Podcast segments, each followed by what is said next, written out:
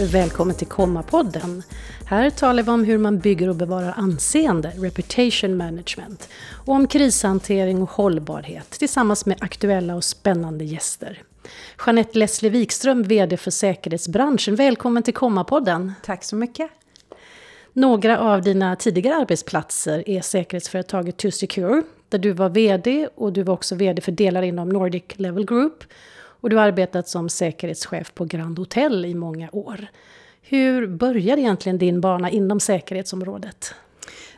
Det började på Grand Hotel. Eh, jag eh, blev tillfrågad om jag kunde tänka mig att eh, komma dit och börja arbeta som assistent till dåvarande säkerhetschefen. Jag har ju ett förflutet även inom assistent och sekreterarvärlden där jag jobbade 12 år med det innan jag kom in på säkerhet.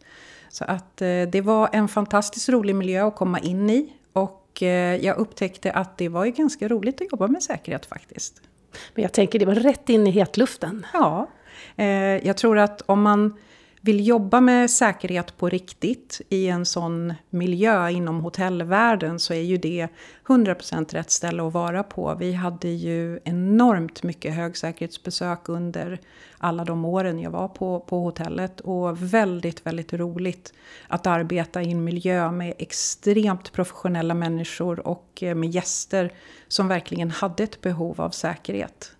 Kan du berätta något mer om det? Aldrig.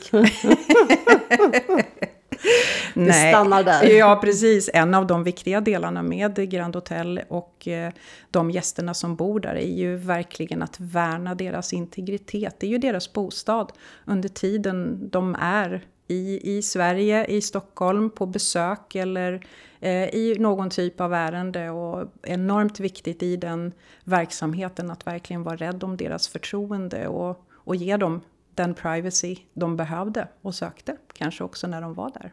Vad var det som lockade dig inom säkerhetsområdet? Säkerhet överhuvudtaget, eller? Ja.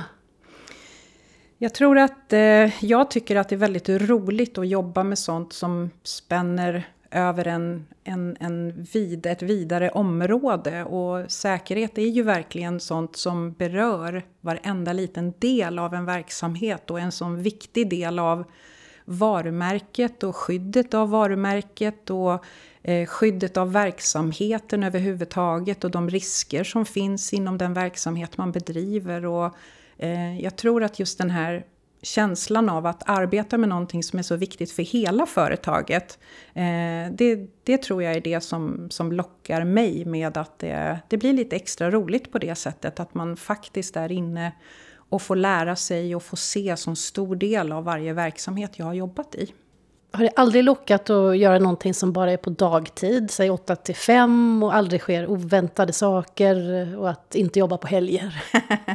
jo då, ibland brukar jag skoja och säga det att eh, nej men nu, nu vill jag göra någonting helt annat. Jag vill göra någonting där jag bara kan gå till jobbet på morgonen, göra det jag ska och sen gå hem igen. Och sen klurar jag lite grann på vad det skulle vara och hur det skulle se ut efter en liten stund. Och så inser jag att Nej, det skulle nog kanske bli så att eh, även om jag eh, gjorde någonting som, som var precis så, så skulle jag nog engagera mig i olika saker. Och sen helt plötsligt så skulle jag ha adderat något ytterligare ansvarsområde till det jag gör. Och sen, sen helt plötsligt så är det inte 9 till 5 längre utan då är det helger och kvällar och engagemang vid sidan av i alla fall.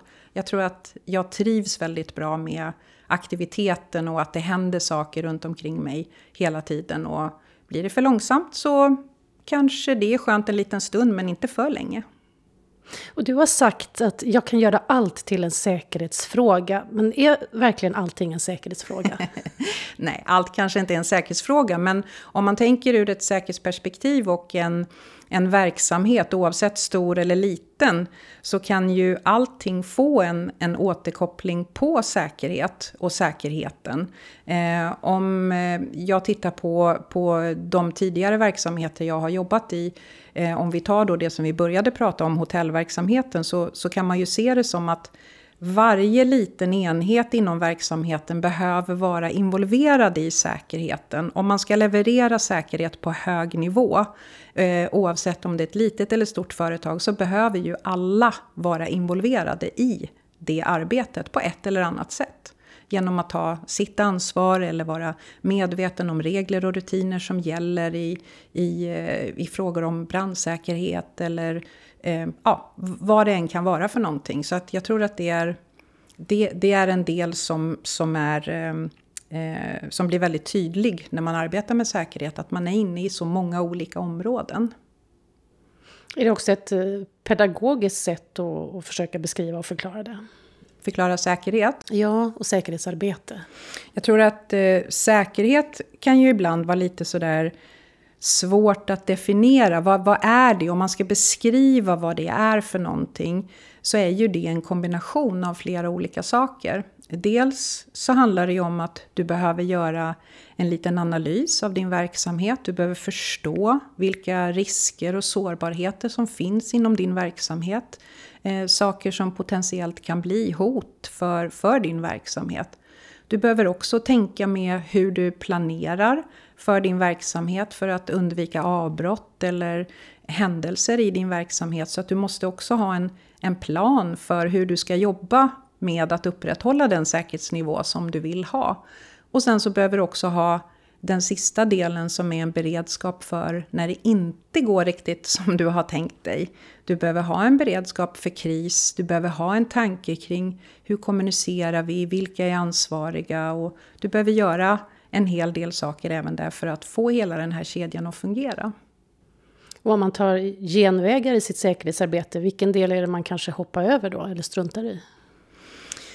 Jag tror att det är nog lite olika vad man bedriver för verksamhet. Jag tror att de som är väldigt måna om att hålla hög säkerhet, de, de, de gör det med en systematik. Eh, och eh, är det så att man tar genvägar så är det väl kanske snarare i det att man inte arbetar systematiskt med det utan att man hoppar in och gör punktinsatser när det händer saker. Eh, och då blir det ju väldigt reaktivt. Eh, och jag tror att kan man arbeta lite mer proaktivt med säkerhetsfrågor så, så tror jag att det blir oerhört mycket lättare också att hantera eventuella kriser som uppstår i verksamheten. Jag tänker när du började också, vad, hur tänkte du kring säkerhet då, när du blev headhuntad? Ja, jag tänkte nog att säkerhet var ju lite abstrakt. Eh, vad, vad, är det för någonting? Jag tänkte väldigt mycket det som jag tror att väldigt många tänker på eh, vid första, första tanken på vad säkerhet är. Och det är kanske lite mer lås, larm och kamera. Eh, det är eh, kanske bevakning. Eh, och, och det är ju allt det där. Men det är också kultur. Kultur i ett bolag, i hur man hur man bryr sig om de risker man har, de sårbarheter man har, hur man arbetar med dem för att minimera dem. Eller för att kanske få bort dem helt och hållet. Eller kanske arbeta med dem på ett sätt för att, för att eh, ja, säkerställa att, de, att man ändå har en bra beredskap för att ta hand om dem om de skulle inträffa. Så att jag tror att säkerhetsområdet är så enormt brett. Vilket gör att det blir väldigt intressant också.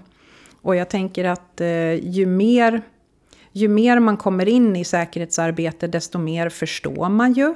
Eh, jag tror att när jag började så tänkte jag kanske att det var mycket lås och larm och kamera. Men sen när jag förstod väldigt mycket om att alla andra delar som, som kommer in där med att planera för olika typer av arrangemang och se till att hela kedjan fungerar.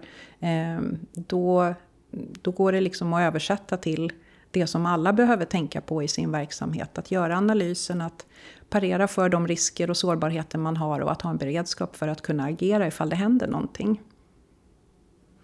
Och du har ju arbetat i utsatta branscher som hanterar kriser. Skulle du kunna ge exempel på kriser som du har jobbat med och som du kan prata om? Ja, eh, jag tänker kriser kan ju vara både små och stora och eh, de kan ju också vara av, i den formen att att man ser att, det, att det, det kommer igång och det börjar bubbla under ytan och man förstår att det här kan utvecklas till någonting som inte alls blir bra. Um, och då, då är ju framgångsfaktorn handlar ju mycket om hur, hur väl organiserade man är och hur mycket man har övat kanske. Men jag tänker på en av de kriserna som, som jag har hanterat och som jag är väldigt stolt över det arbete som vi gjorde. Det var ju inom hotellverksamheten när vi hade en brand. Eh, och, eh, otroligt nyttigt och eh, ja, väldigt lärorikt att se att övningen gjorde att vi var väldigt väl rustade för att hantera den. Eh, sen är det ju alltid så att det är jättelätt när man sitter efteråt och kan peka på olika saker och tänka så här, varför gjorde vi inte si eller varför gjorde vi inte så? Men jag måste nog ändå luta mig tillbaks på just den händelsen och ändå känna en stolthet i att vi var väldigt synkade, hela ledningsgruppen och hela krisorganisationen. Vi hade fantastiska medarbetare som hjälpte till och gjorde saker långt utöver deras ansvarsområden som gjorde faktiskt att vi, att vi kunde hantera den på ett riktigt bra sätt. Även om det naturligtvis var en enormt otrevlig händelse eh, med brand och potentiellt vad, hur det hade kunnat bli. Men jättefint samarbete internt, enormt fint samarbete med brandmyndigheten och, och räddningstjänsten som kom på platsen. Med polis, efterföljande arbete med eh, försäkringsbolag och skadesanering och ett enormt arbete. Inte bara i händelsen utan allt som är även efteråt. Men också en, en bra lärdom. Kriser är ju inte bara, eh, vad ska man säga, de är inte bara i en, arbets, i en arbetssituation. Det kan ju vara händelser som, som inträffar även i det privata. Eh, och det som är så intressant är ju just det här att hur människor reagerar, hur man själv reagerar. Eh, vad, vad händer med mig som person när jag är i en sån här situation? Vem blir jag? Blir jag väldigt strukturerad eller blir jag jättenervös, rädd, ledsen? Eh, vad, vad händer i kroppen? Så jag tror att lärdomen är ju att övning Eh, ger ju verkligen en enorm mängd av goda kunskaper som man kan ha med sig in i nästa situation och i nästa eh, kris som man drabbas av oavsett om det är på privat basis eller på, i en arbetssituation. Eh, erfarenhetsmässigt så kan jag ju säga att det är mycket lättare att vara professionell i en arbetssituation än om man drabbas själv. Eh, då, då är det andra känslor som, som kommer in om det dessutom är familjemedlemmar eller liknande som, som berör en lite starkare. Är det det du menar med när du har sagt att det är nyttigt att vara i kris ibland? Ja, det, det är det verkligen. För att jag tycker att de... Nu, nu önskar man ju inte att någon ska behöva uppleva kris, men du kan ju uppleva det genom att öva. Eh, och eh, övning Eh, i den egna organisationen tillsammans med en duktig aktör som kan hjälpa en, en oberoende part kanske som kan vara med och vara övningsledare. Eh, man kan ju göra alla möjliga olika typer av övningar med tabletop-övningar eller stor, mer storskaliga övningar. Eh, och jag tror att när man gör det så är ju nästan det mest spännande arbetet som, som jag ser, det är ju nästan att, att göra den här lilla återkopplingen efteråt, göra liksom den här lilla samlingen efteråt och prata igenom vad gjorde vi? Vad gjorde vi för någonting? Hur fungerade vi? Vad behöver vi ändra på kanske? Vad behöver vi tänka på i en verklig situation? Så jag tycker övningen är så himla bra för man lär sig så väldigt, väldigt mycket. Dels om sin egen organisation och eh, dels om sina medarbetare som man har runt omkring sig. Man ser nya egenskaper hos varandra kanske. Man upptäcker att oj, den här personen kommer jag kunna använda på det här sättet. Eh, och eh, kanske nya talanger som visar sig. Eh, egenskaper som man kanske inte märker av i det dagliga men i krissituation så syns de mycket, mycket tydligare. Så jag tycker ur den aspekten så tycker jag verkligen att just det här med övning och att vara i kris, även om det är spelad kris, den, den är nyttig. För man lär sig jättemycket av det verkligen. Eh, och kan man dessutom göra det tillsammans med någon som gör övningen väldigt realistiskt tillsammans med en, att man kanske har då eh, resurser som spelar journalister eller ledsna anhöriga eller upprörda medarbetare eller kunder, så är ju det ännu bättre. Och kan man ännu, ta det ännu ett steg och göra det i sin vanliga miljö, eh, inte på en kursgård, utan kanske i sin egen miljö och upptäcka saker som man kanske inte hade upptäckt annars förrän det hade varit i skarpt läge, så är ju det ännu nyttigare. Att hantera interna kriser, är det svårare tycker du? Om du med interna menar egna kriser så... Eh, Inte ja, personliga utan verksamheten Verksamhetens internt. interna kriser. Ja, jag, jag, tror att det är... Jag, jag, tror att det är så här att... Eh, när man själv är berörd av krisen på ett eller annat sätt så behöver man ha en, en stark förmåga att kunna ställa sig vid sidan av och titta på det även ur ett utifrån perspektiv. För att kunna förstå vad man behöver göra för att hantera alla de frågor som kan komma upp, eh, alla de vändningar det kan ta. Eh, jag tror att man behöver ha en kombination eh, av att dels hantera det med egna resurser naturligtvis, men jag tror verkligen att det är enormt viktigt att inte, inte känna någon prestige i att man inte kan lösa allting själv, utan att man faktiskt kan ta hjälp av en part som kan hjälpa en. Eh, och se på det. Kanske komma med, med kloka inspel om att så här uppfattar jag det eh, ur ett utifrån perspektiv. Eh, eller den här frågan tror jag att ni ska fundera på för den skulle kunna komma upp. Eh, och sen så tror jag dessutom att ju större verksamhet man har, eh, desto mer behöver man tänka till på vilka, vilka intressenter det är och vilka man skulle behöva kanske bolla olika typer av frågor med. Och igen, det gör man på ett jättebra sätt när man övar. Eh, för det blir så nära verkligheten nästan som man kan komma. Eh, och, och, det tror jag är nyttigt. Under en period så var du ansvarig för verksamhetsskydd för Swedavias tio flygplatser i Sverige. Vad bestod din arbetsdag av då? Oj, massor av roligt. För det första så är ju flygplatsmiljö är ju en miljö som man blir otroligt glad av. I alla fall jag. Jag känner liksom att det börjar och, och det känns nästan som man ska få ut och resa. även som om man, man lyfter. Ja, även om man bara åker till jobbet så känns det liksom som att nej men nu är jag på väg. Alla människor är glada på en flygplats för att de är på väg någonstans, så det är roligt. Eh, men där jobbade jag ju väldigt mycket då med dels det övergripande verksamhetsskyddet då, eh, skyddet av flygplatserna, flygplatsskyddet. Eh, även då alla delar som hade att göra med eh, informationssäkerhet eh, och, och personalsäkerhet då. Ehm, och jag hade även ansvaret då för all säkerhetsteknik. Sen hade jag naturligtvis en massa fantastiska medarbetare som, som hjälpte mig med alla de här sakerna. Men det handlade ju väldigt mycket om att försöka få alla flygplatsernas olika typer av behov eh, Eh, att, eh, att flyta ihop till någonting som skulle fungera. Jag jobbade bland annat mycket tillsammans med HR. Eh, där vi tittade mycket på hela processen, säkra rekryteringar. Hur, hur jobbade vi med det? Allt ifrån en intervjuprocess till att verkligen få med säkerhetsaspekten i det, att det var rätt typ av personer som vi faktiskt anställde, att vi kontrollerade dem på det sätt vi skulle göra enligt säkerhetsskyddslagstiftningen. Man gör ju registerkontroller och man kan även göra naturligtvis utökade bakgrundskontroller då för att säkerställa att man inte får in en person som kan bli ett hot mot, mot eh, säkerheten. Eh, så att eh, en väldig blandning kan man säga. Men en enormt rolig arbetsplats att vara på. Enormt rolig verkligen. Hur utsatta skulle du säga att flygplatserna var då jämfört med idag?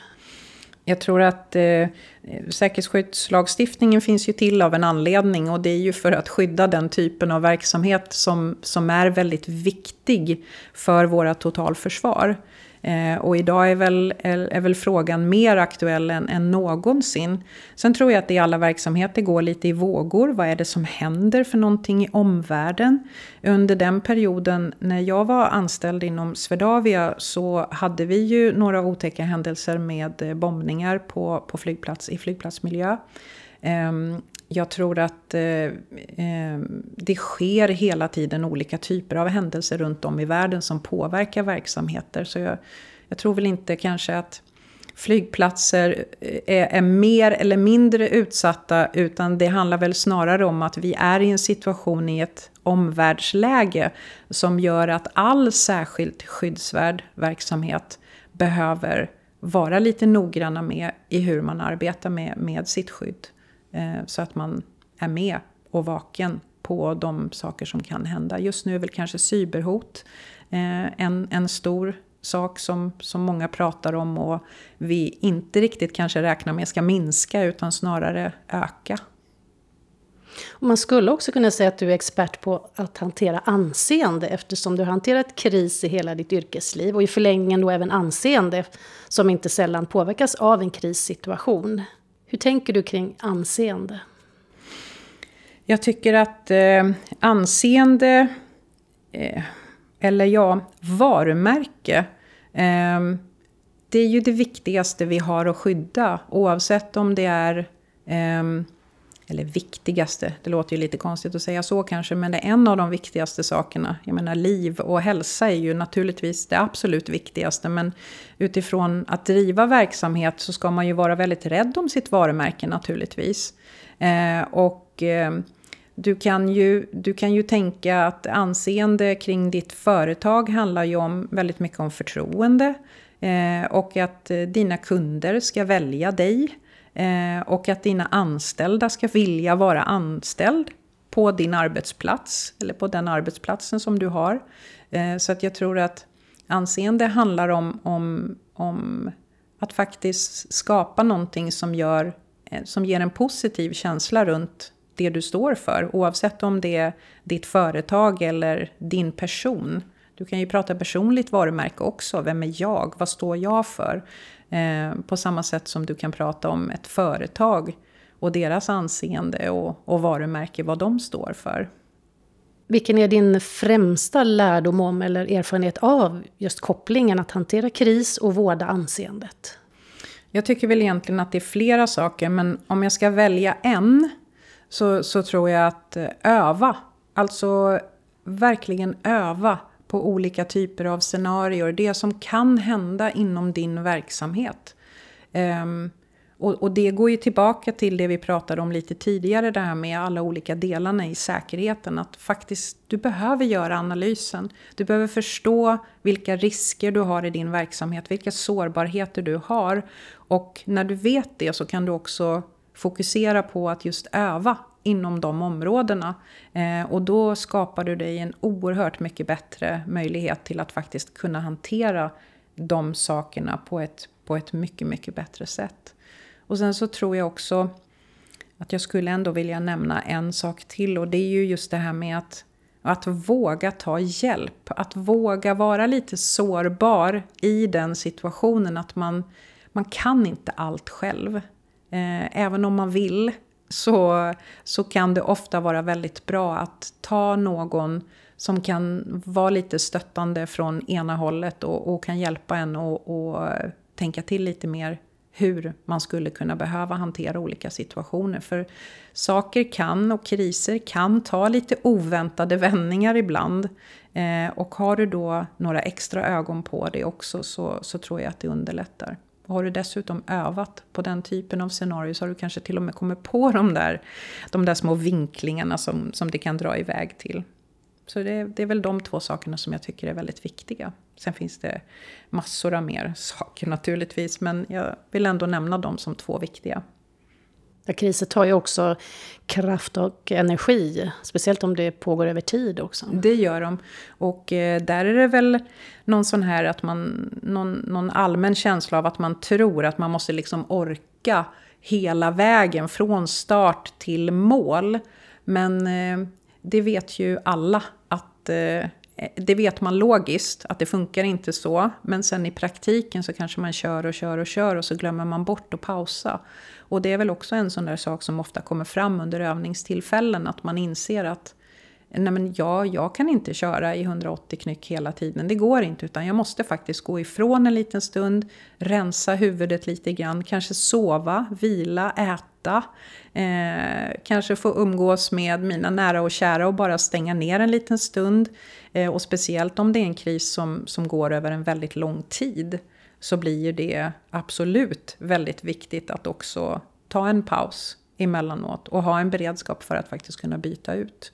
Um, och där är väl en av de delarna i att det kanske inte är um, personen utan det är funktionen i krisorganisationen som ska fyllas. Uh, sen kan ju alla vara olika bra på olika saker Men eh, att man har en beredskap även för att byta ut personer under resans gång. Så att man inte kör alla i botten samtidigt. För det, det blir inte särskilt hållbart i, ur ett krisledningsperspektiv heller. Men jag anar en röd tråd att öva. Mm. Ja, men... Och det är ju faktiskt, om man ska vara lite sådär... Eh, det, det är ju en av de roligare delarna. Att öva kris under lite ordnade former. Och under det tillfället också få en möjlighet att känna sig för, kunna ta paus och säga att hörni, vet ni, det här, det här går åt skogen om vi fortsätter på den här vägen. Nu, nu har vi faktiskt chansen att göra om och göra rätt. Och också som vi var inne lite grann på att förstå hur människor reagerar. Vilka blir superfokuserade och vilka blir jättenervösa. Eh, vilka, någon kanske blir jättearg eh, när man utsätts för, för väldigt hård stress och press. Eh, så det är, det är ett bra tillfälle som sagt att, att göra det. Och ganska roligt också. Den roligaste delen kanske. Det är jätteroligt att göra krisövningar. mm, jag tycker det.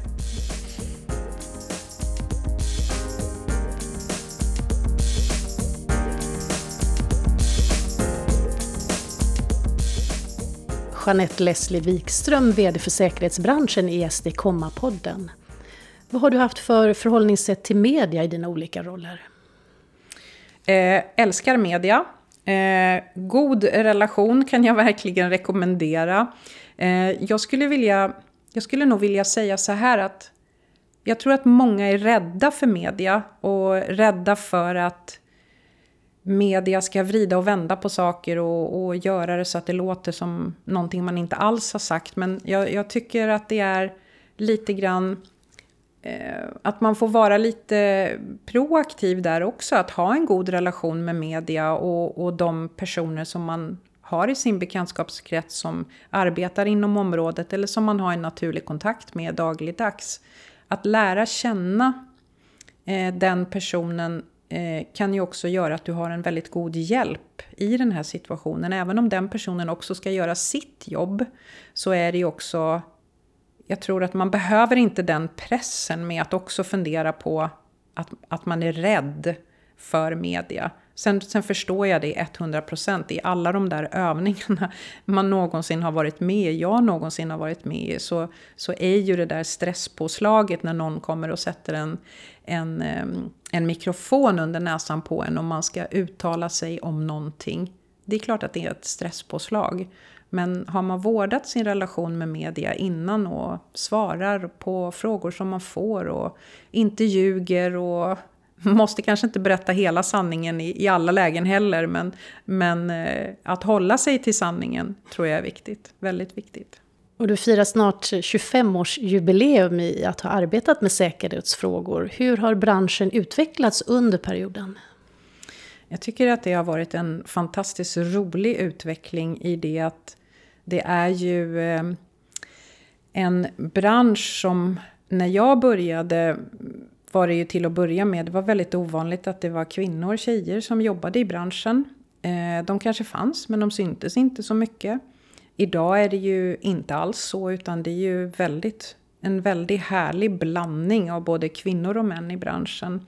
Det har ju kommit väldigt många utbildningar, eh, olika typer av initiativ som har gjort att man har liksom tydliggjort eh, säkerhet och säkerhetsarbete inom olika organisationer. Och, Sen är det väl, finns det väl en tråkig baksida i det också naturligtvis med, med eh, att säkerhet, att det finns ett större behov av säkerhet. Men för den som vill arbeta i en bransch där man verkligen kan göra nytta eh, och där man verkligen kan hjälpa både människor och organisationer så är ju säkerhetsbranschen en fantastiskt rolig bransch Eh, att arbeta i. Och det finns väl en anledning till att man kommer in i branschen och sen blir kvar så här många år. För det är fantastiskt roligt att arbeta med säkerhet. Eh, oavsett om det handlar om att skydda enstaka personer eller, eller eh, organisationer. Att få jobba, jobba med de här frågorna dagligdags tycker jag är fantastiskt roligt. Och att få företräda en bransch som jag gör idag med sån enorm kompetens och sån bredd på kunskap och kunnande inom så många olika områden känns otroligt roligt. Finns det någonting som branschen behöver utveckla framöver?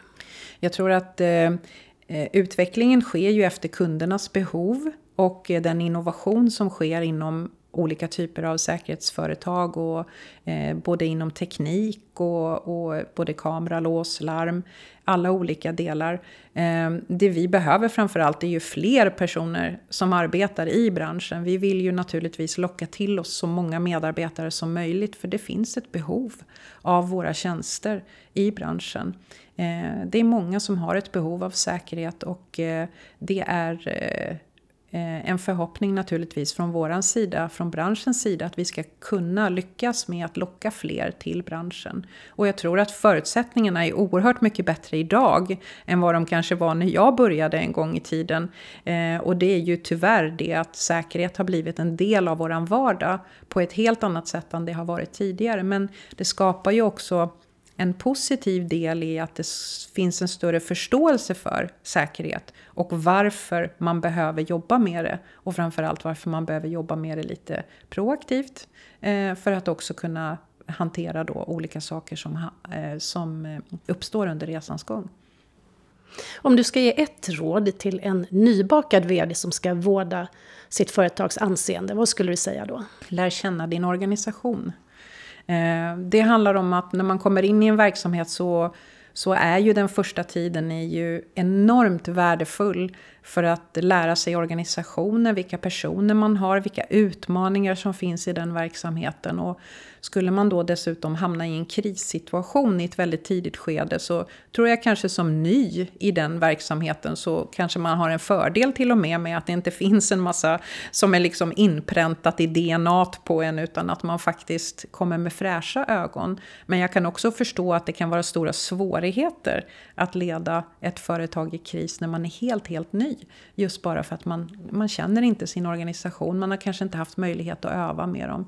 Men jag tror att kommer man in som ny i en verksamhet så tror jag att eh, det är viktigt att lära känna sin organisation och förstå vilka risker och sårbarheter som finns. Att göra analysen, riskanalysen, förstå din verksamhet. Det, det, skulle jag börja med i alla fall. För det skulle göra att det blir lite lättare också att prioritera vad behöver man jobba med. Eh, och nu blir det spännande att höra. Vad har du för råd till en rutinerad VD som ska vårda ja. företagets anseende? Ja, det låter lite tråkigt kanske, men det är lite samma sak faktiskt. Eh, det, är, eh, det är väl också där att ha koll på analysen och ta del av den, att lära känna din organisation och, och öva. Öva, verkligen öva tillsammans med din organisation så du förstår. Eh, jag har upptäckt i, i, i, i mitt arbete och i tidigare roll att som chef så glömmer man ibland eh, att när jag kommer som chef och ledare in i en situation där någonting händer så kommer min organisation att titta på mig och undra hur ska vi lösa det här? Fast de kanske Eh, Eh, och mest troligt är oerhört mycket mer kapabla att lösa en uppkommen situation som kanske inträffar flera gånger om dagen. Men de kommer att titta på mig som ledare, så det är viktigt att man förstår eh, vad, vad man har att göra med. Dels dels vad det finns för risker inom sin organisation och också att ta del av de planer, krisplaner eh, som finns i organisationen så att man också kan hantera det. Det tror jag är nyttigt. Hur har det påverkat dig personligen att arbeta med kriser och säkerhet? Jag tror att det är framförallt en lärdom om eh, man lär sig väldigt mycket, jag har lärt mig väldigt mycket om mig själv. Hur reagerar jag i kris? Vem blir jag? Eh, jag har lärt mig att jag blir otroligt skarp i sinnet. Att jag uppfattar saker liksom, eh, på ett väldigt skarpt sätt. Att jag eh, att jag blir väldigt handlingskraftig. Ehm, jag tror att eh, övar man inte så, så lär man sig kanske inte det lika snabbt. Är man i en kris så får man lära sig det kanske den hårda vägen. Och eh, för mig personligen så, så var det ju bra och positivt att jag kände att okej, okay, det här kanske kan gå vägen för att jag förstår hur jag fungerar och hur jag blir. Men hade jag inte gjort det eller inte varit i en kris så kanske jag ja, hade varit orolig eller fundersam kring att hur ska det här bli? Det, och det tror jag, det är bättre att veta, tänker jag. Du har beskrivit dig som en kvinnlig version av Ernst. Och är det pysslandet du tänker på då, eller är det vurmen för att gå barfota? Ja, nu var det inte jag som hittade på den faktiskt. Det var vänner till mig som sa det, att du är ju som Ernst. Men det, det är nog för pysslandet. Jag älskar att laga mat. Ehm, jag är eh, händig. Jag har min far att tacka för den händiga genen. Eh, och eh, jag tycker väldigt mycket om just det där fysiska. Jag tror att när man arbetar med saker som kräver mycket av huvudet av en så är avkoppling att få använda kroppen. Så att jag tror att just det här med att, jag vet att min man kan ibland säga så här, men inte ska väl du behöva stå och laga mat när du har jobbat hela dagen. Men jag sa, men det är en avkoppling för mig att få stå och göra det, laga mat. Och gärna om det kommer några dessutom som, som ska äta den där maten, oavsett om det bara är familjen eller andra. Och du har till och med sytt en bröllopsklänning, det är ja. imponerande. Ja, det har jag faktiskt. Jag har en eh, mycket god vän som när de skulle gifta sig, hon och hennes man, så frågade hon mig om jag kunde sy hennes bröllopsklänning och jag tänkte ja det är klart jag kan. Och så efter en stund så tänkte jag men herregud vad har jag gett mig in på? Ska jag sy en brudklänning till en blivande brud här? Det kan ju bli hur galet som helst. Men hon var jättenöjd och jag är jättestolt över att den blev så himla fin. Eh, så att det var väldigt, väldigt roligt. Men jag vet inte om jag skulle göra det igen. Vilket är ditt bästa tips för att koppla av eller koppla bort efter att ha hanterat en kris? Eh, man behöver tid för återhämtning och eh, jag tror att det är lite individuellt vad man behöver för någonting. Man har alla de här klassiska sakerna, drick mycket efteråt, just bara för att du behöver återställa vätskebalansen i kroppen efter att du har varit liksom under hård press och stress. Men jag tror att det är viktigt att man själv eh, man, man, man vet nog själv bäst vad man behöver. Det kan vara det kan vara att vila eller det kan vara att vara ute och springa i skogen eller sätta sig på en brygga och dingla med benen vid vattenkanten.